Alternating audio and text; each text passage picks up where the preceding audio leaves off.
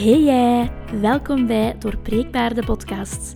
Ik ben Eline, klinisch psycholoog en passioneel taboe-doorbreker. In deze podcast ga ik jou helpen om meer inzicht te krijgen in jouw eigen patronen, om deze patronen te doorbreken en om de wonden uit jouw kindertijd te helen. Ik hoop dat deze podcast mag aanvoelen als een warm dekentje en jou tegelijkertijd kan motiveren om te blijven groeien als persoon. Dus, ben jij klaar om jouw patronen te doorbreken? Dan ben jij hier op de juiste plaats. Van harte welkom.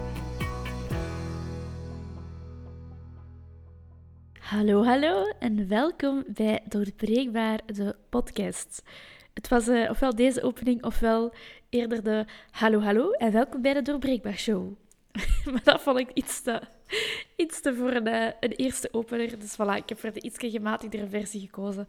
Maar dan weet je ook welke versie dat ook uh, een optie was geweest voor de opener voor deze eerste aflevering. Deze eerste aflevering waar dat, uh, heel veel tijd over is heen gegaan. Want ik zeg eigenlijk al sinds ja, begin 2022, ik ga een podcast doen. En nu is het begin 2023, een jaar verder dus, en zit ik hier eindelijk voor mijn microfoon om deze podcast op te nemen. Het is echt een passieproject van mij, ehm, dus ik hoop dat dit ook fijn ontvangen gaat worden door jullie, want ja, dat is uiteindelijk wel de bedoeling, dat ook jullie het een fijne podcast gaan vinden. Nu, deze eerste podcastaflevering, zoals bij de meeste eerste podcastafleveringen, is vooral even een voorstelling van wie ik ben en hoe ik eigenlijk tot op dit punt ben gekomen dat ik hier nu een podcast aan het inspreken ben, maar ook dat ik nu aan het doen ben wat ik aan het doen ben in mijn leven. Zowel professioneel als een stuk ook wel op uh, persoonlijk vlak. Want wat voor mij vooral fijn is in een podcast, is dat ik uh, ja, hier ook dingen kan gaan aanbrengen dat moeilijker aan te brengen zijn via een, een post op social media um, of stories op Instagram of in een TikTok-videootje. Dan is het best wel lastig om daar wat dieper in te gaan um, op je eigen ervaringen of op bepaalde topics of bepaalde vragen of wat dan ook. En dat kan natuurlijk in een podcast wel heel erg makkelijk. Dus dat maakt dat ik ook heel erg enthousiast ben over het starten van een podcast. Vandaag dus de introductie van wie ben ik en hoe ben ik hier nu op dit punt geraakt. Nu, wie ben ik? Ja, ik zal daar even mee beginnen. Ik ben Eline Tubax, ik ben dus een klinisch psychologe en ik ben ook leerkracht. Ik ben leerkracht in de vakken binnen de humane wetenschappen. Dus dat zijn bijvoorbeeld gedragswetenschappen, uh, sociale wetenschappen en andere vakken die daarbij um, ja, nauw aansluiten. Dat zit ook binnen mijn vakgebied. Nu, ik zelf um, ben op deze moment werkend als zelfstandig klinisch psycholoog. Ik ga straks nog eventjes een beetje meer uitleggen hoe ik daar dan geraakt ben. En werk op deze moment niet meer als leerkracht in een school. Ik, um, ik ben een campusser. Ik weet niet of je het goed hoort. Ik probeer mijn accent um, ik, allee, ik denk niet dat ik een heel sterk Kempens accent heb, maar ik kom dus uit de Kempen. Ik kom momenteel in Turnhout en ik heb drie, sorry, twee katjes. Ik zeg nog altijd drie katjes, um, omdat een van onze drie katjes, Mimietje, die is vorig jaar spijtig genoeg overleden. Um, we maken dus nog twee katjes hebben nu. Dat zijn Dali en Dora. En dat zijn eigenlijk, ja, de kleine babytjes tot hiertoe, tot er een echt mensenbabytje komt, zijn dat dus de kleine babytjes die hier rondlopen uh, in het appartement. Dat gezegd zijnde, ja, ik zal nog kort vertellen over mijn hobby's. Hè. Ik uh, ben iemand die eigenlijk heel graag buiten gaat en um, met vriendinnen afspreekt, uh, een wijntje gaat drinken, wat gaat bijbabbelen. Anderzijds ben ik ook wel iemand die heel veel tijd nodig heeft op mezelf. Um, ik ben hoogsensitief, dus dat maakt dat ik prikkels heel snel opneem en uh, prikkels ook dieper verwerk. Dus ondertussen weet ik ook van mezelf dat ik ook heel veel recuperatietijd nodig heb. En ben ik door in de jaren ook steeds meer de tijd op mezelf echt gaan leren appreciëren en ervan leren genieten. Dus ik kan heel erg genieten van samen met vriendinnen iets te gaan doen, maar evenzeer heel erg genieten van op mezelf thuis te zijn. Ik um, lees verder heel graag, dus als ik alleen thuis ben, dan lees ik ook vaak boeken. Dus daar ben ik heel graag um, mee bezig. Ik um, heb een kleine verslaving aan Nike-schoenen. Ik probeer dat wat te begrenzen, want ja, voor mijn portemonnee is dat niet zo ideaal als ik continu nieuwe Nike-schoenen bijkoop. Um, ik heb dus een kleine verslaving aan Nike-schoenen. En verder, ik start mijn dag elke dag met koffie. Dat is het cliché voor leerkrachten, denk ik toch wel heel erg. Uh, um, een pakken koffie drinken ja, ik ben er ook zo in. Ik drink super graag koffie, maar ook daar een beetje begrenzen, want anders word ik zo'n stuiterbalkje. En dat is ook niet altijd even aangenaam als ik dan overal rondstuiter. In tegenstelling tot een liefde voor Nike en koffie, heb ik een diepe walging voor broccoli. Oh, echt. Oh, ik krijg er spontaan gewoon kokhalsneigingen van. Van het gedacht of de geur van broccoli of uh, broccoli zien, laat staan proeven. Um, daar zit ook wel een, een, verhaal achter waarom. Ik weet, broccoli is heel gezond. Uh, maar er zit een verhaal achter waarom dat ik echt een degoe heb van broccoli. Dat was voor mij echt wel een ja, een traumatische situatie.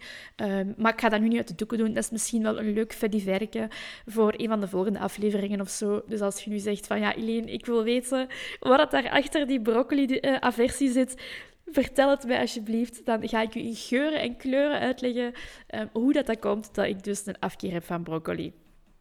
Maar oké, dat gezegd zijn. ah, oké. Dat zijn gewoon een aantal dingetjes, uh, een paar leuke weetjes over mij. Nu, ik denk dat het vooral fijn is voor jullie om te weten hè, vanuit mijn functie, mijn rol als psycholoog, van oké, hoe komt het nu dat ik hier een podcast aan het doen ben en wat is mijn eigen weg geweest naar dit punt?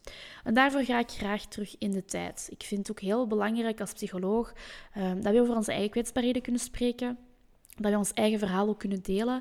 En dat zorgt op een bepaalde manier er ook wel voor uh, dat mensen zich minder abnormaal voelen. Hè? Als ze het verhaal horen van een psycholoog waarbij zij zelf bijvoorbeeld komen voor hun eigen verhaal mee te delen, dan voelen zij zich al een stuk normaler en een stuk meer um, geaccepteerd en vinden ze het ook veel sneller oké om een kwetsbaarheid op tafel te leggen.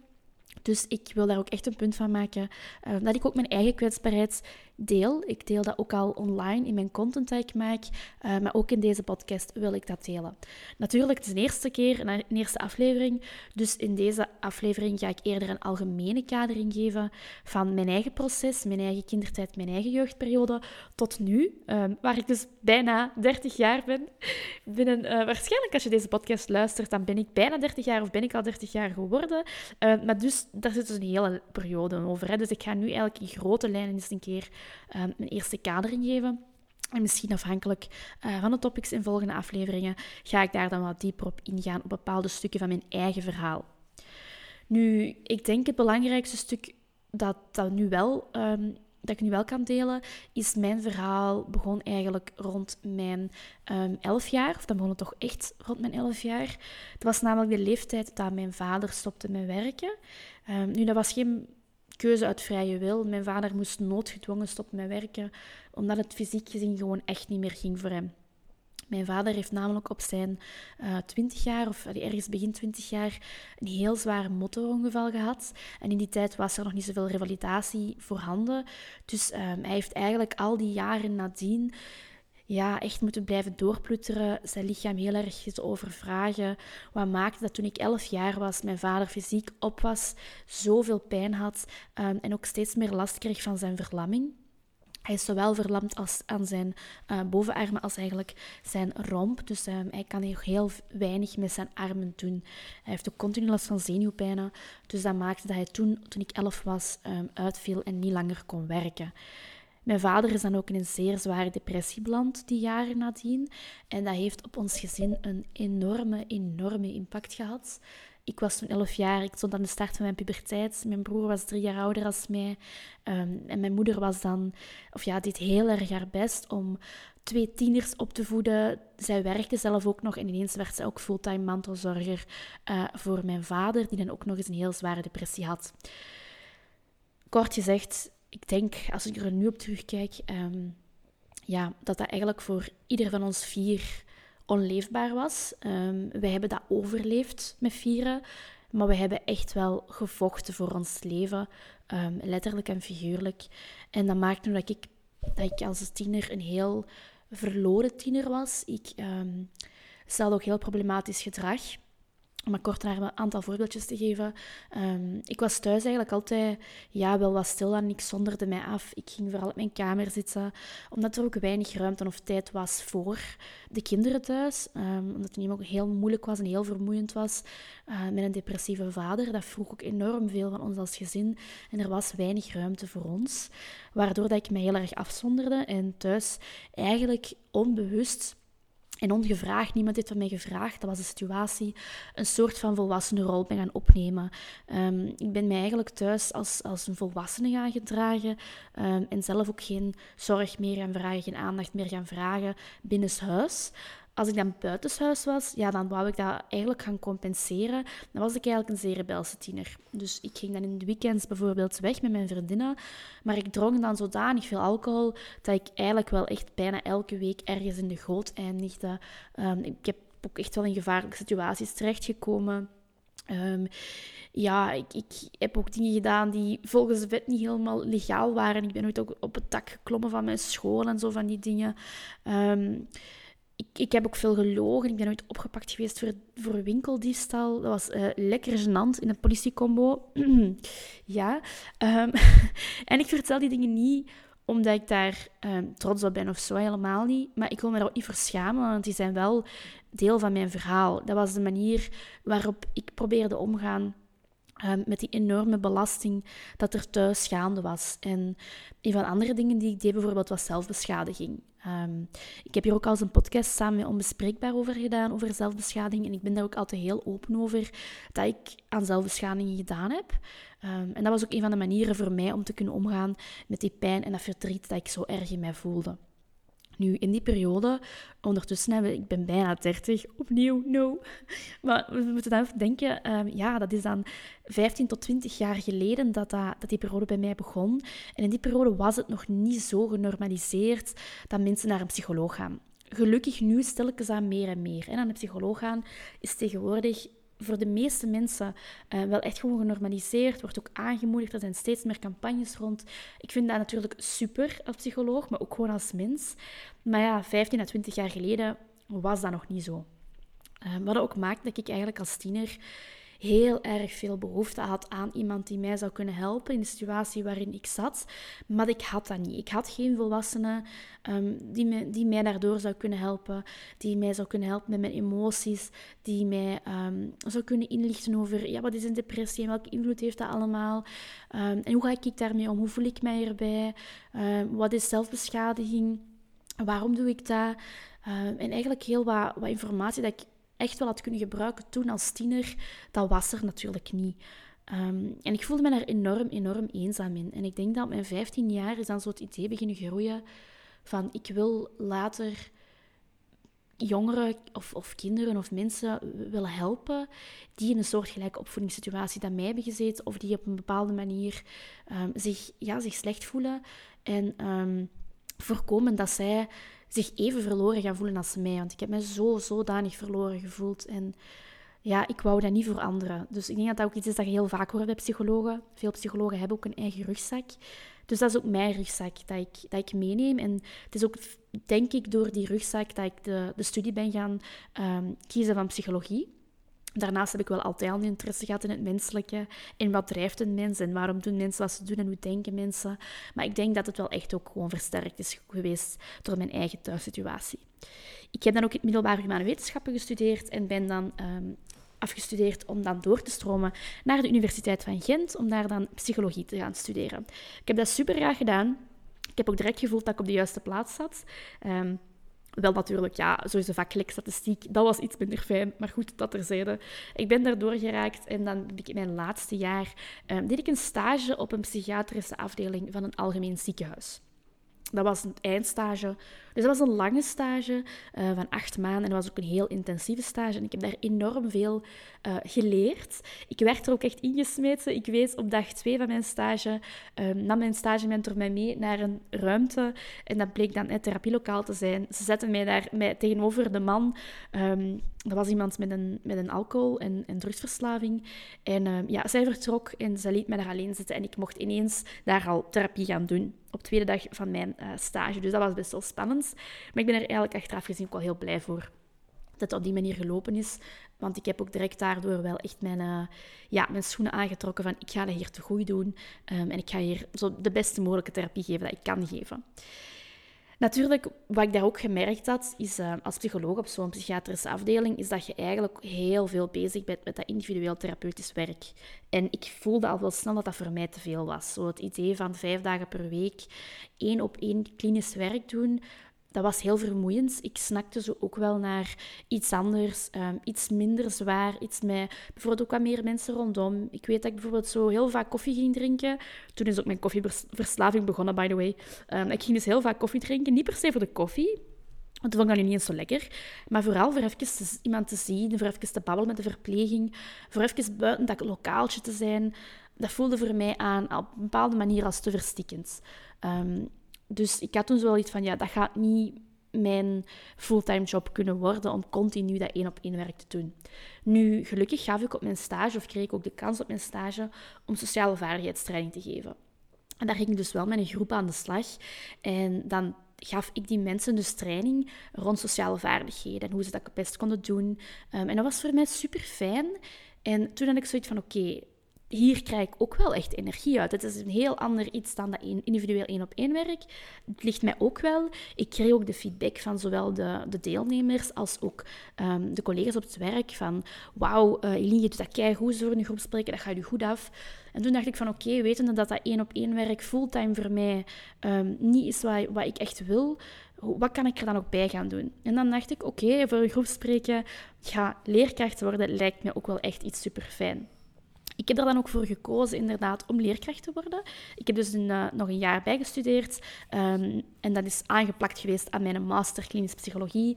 En dan uh, werd ik dus ook leerkracht binnen de humane wetenschappen. Um, ik ben dan afgestudeerd na die twee studies te doen. En toen dacht ik, oké, okay, wat kan ik nu gaan doen? Eerst de werkervaring. Um, ik ga eens zoeken. En dan ben ik uiteindelijk terechtgekomen in de bijzondere jeugdzorg. Nu, de bijzondere jeugdzorg, ik heb heel veel respect voor de mensen dat daar lange termijn een job in houden, want dat is echt geen gemakkelijke sector om te werken. Het is een job met veel bevrediging, maar het is ook wel best een vermoeiende job. En ik had een beetje de pech, denk ik, dat de organisatie waar ik uh, werkte, um, ja, had wel echt wel wat systematische gebreken, wat structurele fouten. en ik ben ook gewoon heel in een heel rare, ja, een rare situatie gestart. Ik startte daar en een van mijn collega's van mijn team die vertrokken is, dus die heb ik niet meer gezien. Um, iemand anders dan op zwangerschapsverlof. En de persoon die mij dan eigenlijk moest opleiden en moest inwerken, die was ineens in het midden van mijn eerste dag naar huis vertrokken en die is daarna meer teruggekomen. Dus ik was eigenlijk alleen toen in een, ja, mijn team, maar een team van nul personen, enkel ik dus. Uh, wat maakte dat ik dus ook niemand had die mij kon inwerken. Um, en als er dan uiteindelijk nieuwe collega's werden aangenomen, stond ik in één keer in voor hen in te werken. Dus dat was een super bizarre situatie. Um, wat ook heel veel van mij vroeg. Ik, werd dan ook, ja, ik werkte dan ook echt heel veel en heel lang. En ik was de enigste in mijn team, dus er kwam heel veel verantwoordelijkheid op mij terecht. Ik heb ook een heel groot verantwoordelijkheidsgevoel, dus ja, dat versterkt natuurlijk ook nog eens. Um, ik moest heel wat crisissen opvangen, soms shiften draaien van 14 tot 18 uur werken. Dus dat was echt wel um, bizar en dat heeft me echt wel heel erg overvraagd. het is ook inhoudelijk een, een, een zware job. Hè. Het is een doelgroep die het ook wel best wat vraagt. Want ik begeleide um, een doelgroep van, van meisjes die dus uit huis geplaatst waren. Um, en dat ging om heel wat verschillende soorten problemen. Sociaal-emotionele problemen, um, verslavingen, relatieproblemen, ja, familiale problemen jongeren die, die heel weinig grenzen konden nemen, die zich heel erg alleen en afgewezen voelden, dus heel erg veel gedrag gingen stellen um, om dan aandacht te krijgen of zorg te krijgen. Um, dus dat is sowieso ook een zware doelgroep. Nu, een combinatie dan met die structurele problemen in de organisatie maakte dat ik eigenlijk um, mezelf daar ja, eigenlijk letterlijk kapot gewerkt heb. Op een bepaald moment startte er een nieuwe teamleader op. En na een aantal maanden dan samen te werken, hele fijne man wel, voelden wij allebei aan dat het is echt te veel voor mij. En dan zei van, Eline, ga even thuis zitten en we nemen het dan verder op. Nu, op het moment dat ik thuis kwam te zitten, was heel duidelijk hoe ver dat ik echt al over mijn grenzen was gegaan. En toen kwam de, ja, de diagnose burn-out. Ehm, ik ben dan ook niet meer teruggegaan naar die job. Ik heb daar echt wel een hele tijd van moeten recupereren. Ik ben mezelf enorm hard tegengekomen. Ik heb ook heel veel geleerd over mezelf, maar dat is natuurlijk niet de manier waarop dat je je eerste, ja, je eerste werkervaring wilt afronden of het begin van je loopbaancarrière wilt starten. En dat was voor mij weer opnieuw een moment van na te gaan denken: oké, goed, um, wat kan ik er aan meenemen en hoe kan ik nu misschien een andere keuze gaan maken en um, eens zien of er iets anders, ligt, iets anders is wat dan meer aansluit um, bij wat ik graag wil doen en wat ook haalbaar is. En ook in een ja, liefst fijne organisatie die dat ook voldoende ondersteuning biedt. En toen kwam ik toch terug op de piste van leerkracht. Ehm, ik dacht, oké, misschien wil ik dat ook even een kans geven. Er was dan een vacature vrij op een hele fijne school. Uh, maar natuurlijk, ja, in het onderwijs, dat zijn um, vaak interimopdrachten. Dus die eerste opdracht was ook een interimopdracht. Ik heb die heel graag gedaan. Ik wist ook dat ik daar niet ging kunnen blijven. Dus dat was op voorhand wel duidelijk. Uh, maar dan heb ik dan ook nog een paar jaar um, daarna in het onderwijs ook gewerkt. En uiteindelijk ben ik dan terechtgekomen op een school um, waar er wel vrije uren waren in mijn vakgebied. Dus sowieso in humane wetenschappen zijn er vaak niet veel vrije uren, omdat niet elke klas humane wetenschappen krijgt. Je draagt in sociale wetenschappen, cultuurwetenschappen. Um, dat heeft niet elke richting. Dat maakt er weinig uren beschikbaar zijn. Maar op die school waren er dus wel uren beschikbaar. Um, en zowel mijn collega's, mijn leerlingen als de directie um, was echt gewoon een hele goede match. En iedereen was ook heel erg content van mij. Ik deed die job ook echt super, super, super graag. Met hart en ziel stond ik voor de klas. Um, dat is nog altijd een dag van vandaag als mensen vragen van ja, mist jij het onderwijs? Dan is mijn antwoord ja. Voor een stuk ga ik dat altijd missen. Omdat dat echt wel een passie van mij is om met die jongeren te werken en les te geven en... Zeker dan over mijn passie in mijn vakgebied. Hè, want ik gaf dan les over psychologie, over mentaal welzijn, over persoonlijke ontwikkeling. Dat was ook een ideaal vak om met die jongeren wat dieper te kunnen gaan en ook echt wel te kunnen gaan um, op hun eigen vraagstukken waar dat zij op botsten, op hun identiteitsvraagstukken, uh, struggles met zelfvertrouwen, met relaties, met lichaamsbeeld, vragen over de toekomst, is dit wel normaal vragen en zo verder. Dat was voor mij echt gewoon zo'n fijne combinatie. Um, en het zag er ook naar uit dat ik gewoon het jaar daarna um, een THDD ging krijgen. En ze hadden al gesproken over een vaste benoeming. Dat zag er allemaal goed uit. Maar spijtig genoeg, heel last minute, heel op het einde van het jaar, um, is er dan eigenlijk ja, achter mijn rug een beetje, en, niemand wist daar ook van, een bepaalde collega geweest die al benoemd was, um, die aanspraak had gemaakt op die uren en die daar graag vast benoemd in wou worden. Dus dat ja, bleek dat ik niet meer in mijn vakgebied um, daar ging blijven kunnen werken. Ze hebben dan nog hun best gedaan om mij een um, totaalpakketje aan te bieden van een heel ander vakgebied, omdat ze mij zo graag wouden houden.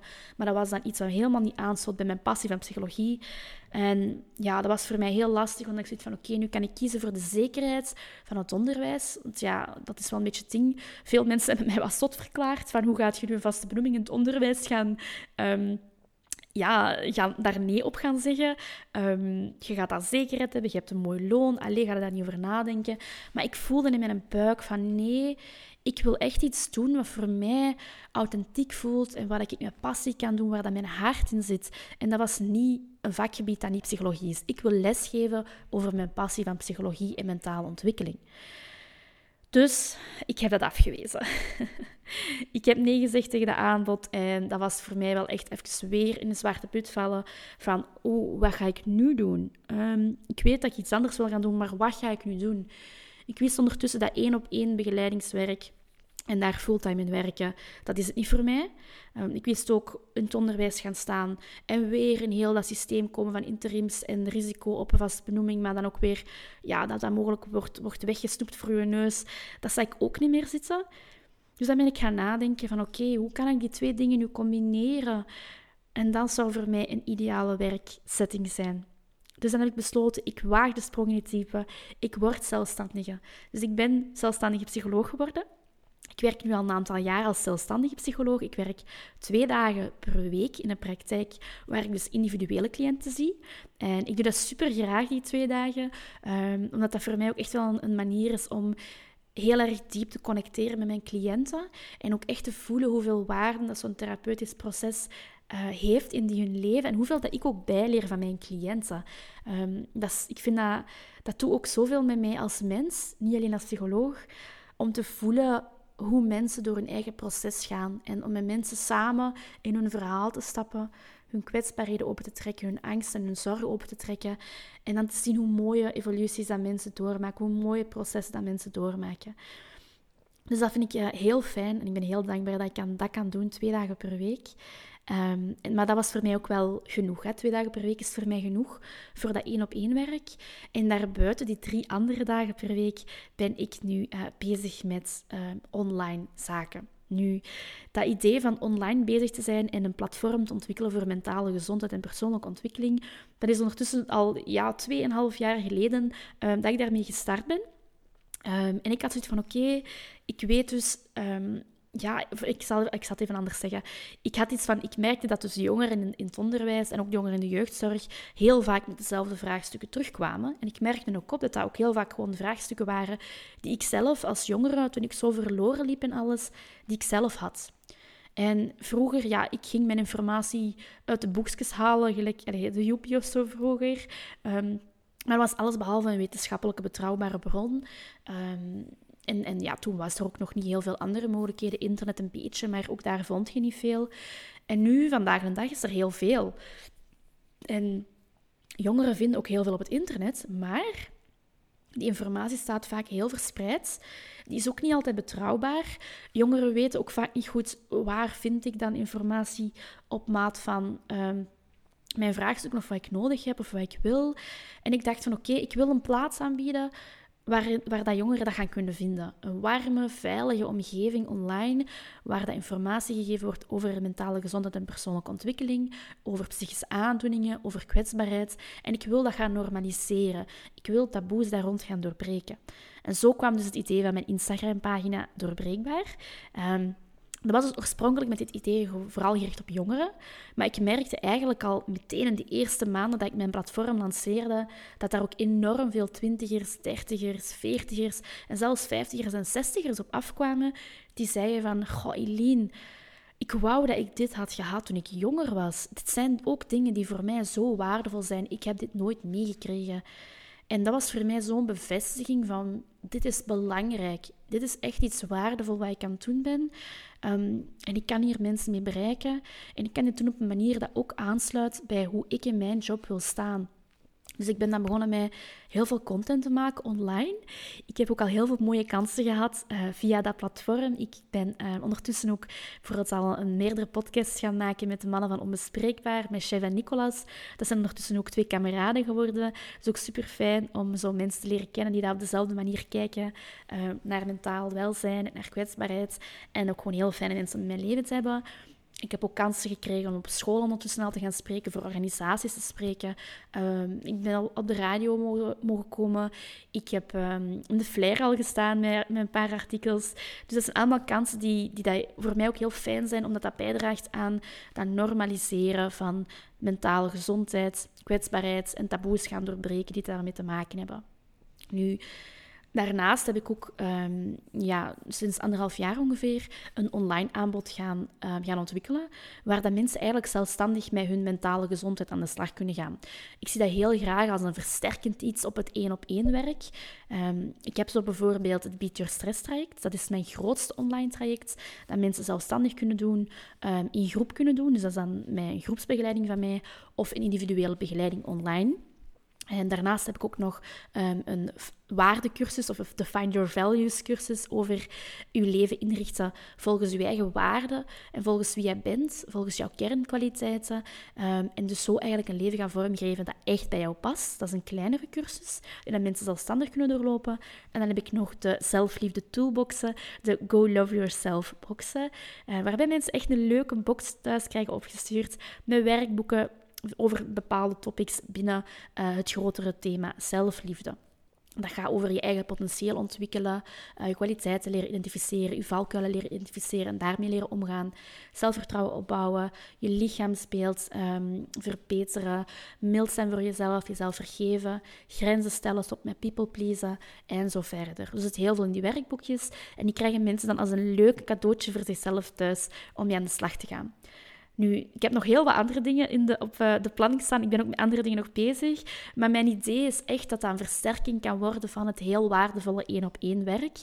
Bijvoorbeeld voor mensen die al één-op-één therapie hebben lopen, die dan graag echt actiegericht aan de slag willen gaan met werkboeken of online trajecten. Of mensen die geen individuele uh, psychologie kunnen betalen, omdat dat te duur is bijvoorbeeld, of ze staan op een wachtlijst of wat dan ook, dan kunnen ze aan de slag gaan thuis met hun eigen mentale gezondheid, op hun eigen tempo, in hun eigen vertrouwde omgeving. En dat is voor mij heel waardevol om die twee dingen als iets versterkend te zien.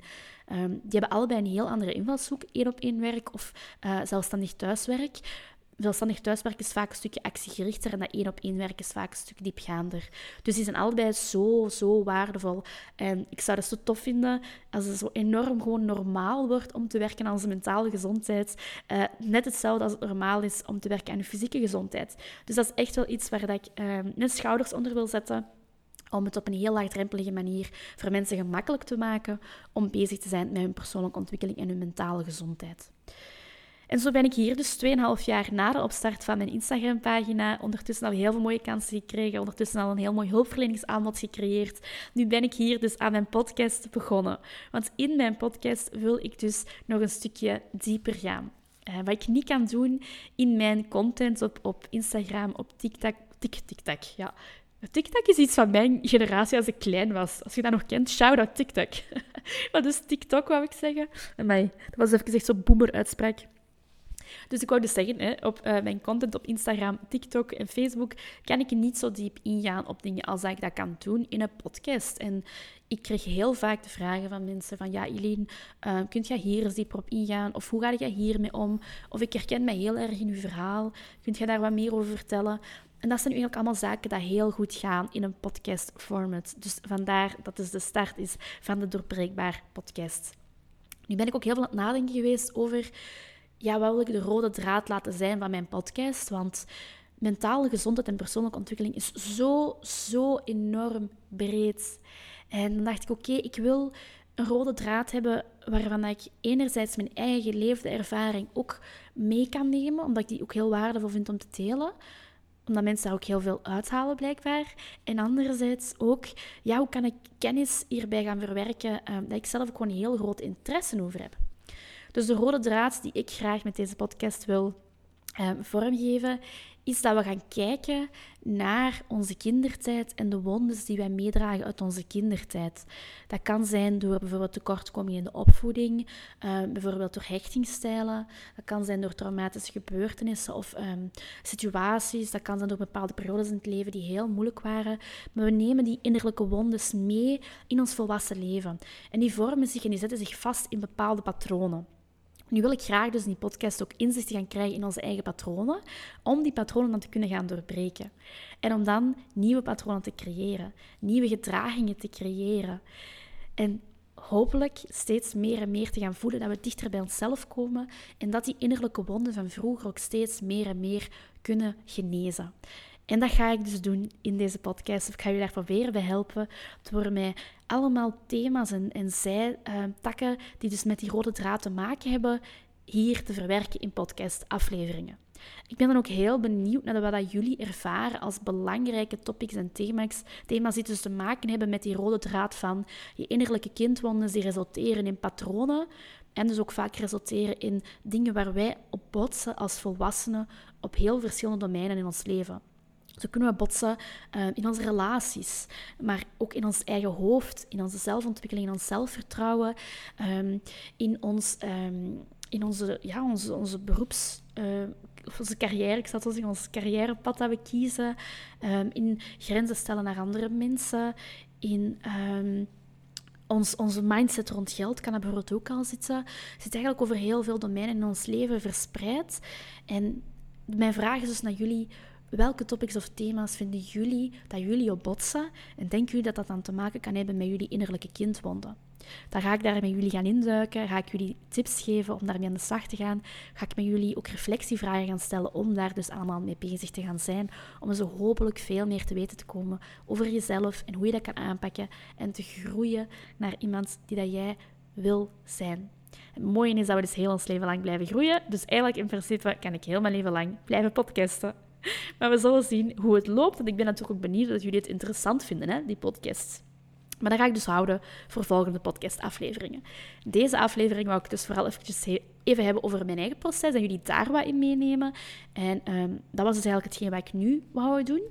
Daarnaast wil ik jullie ook vragen uh, om allemaal feedback te geven hè, op die eerste podcastaflevering. Stuur mij gerust een DM op Instagram. Stuur mij een mailtje op doorbreekbaar.gmail.com. Uh, schrijf um, een review of zo. Of, of zet iets in uw stories. Eender waar. Uh, ik zou het heel fijn vinden om te zien en te weten wat dat jullie hiervan denken.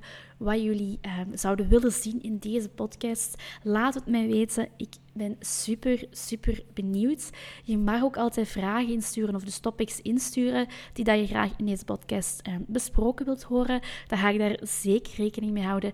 En als je deze podcast fijn vindt, mag je ook, mag je ook een review achterlaten.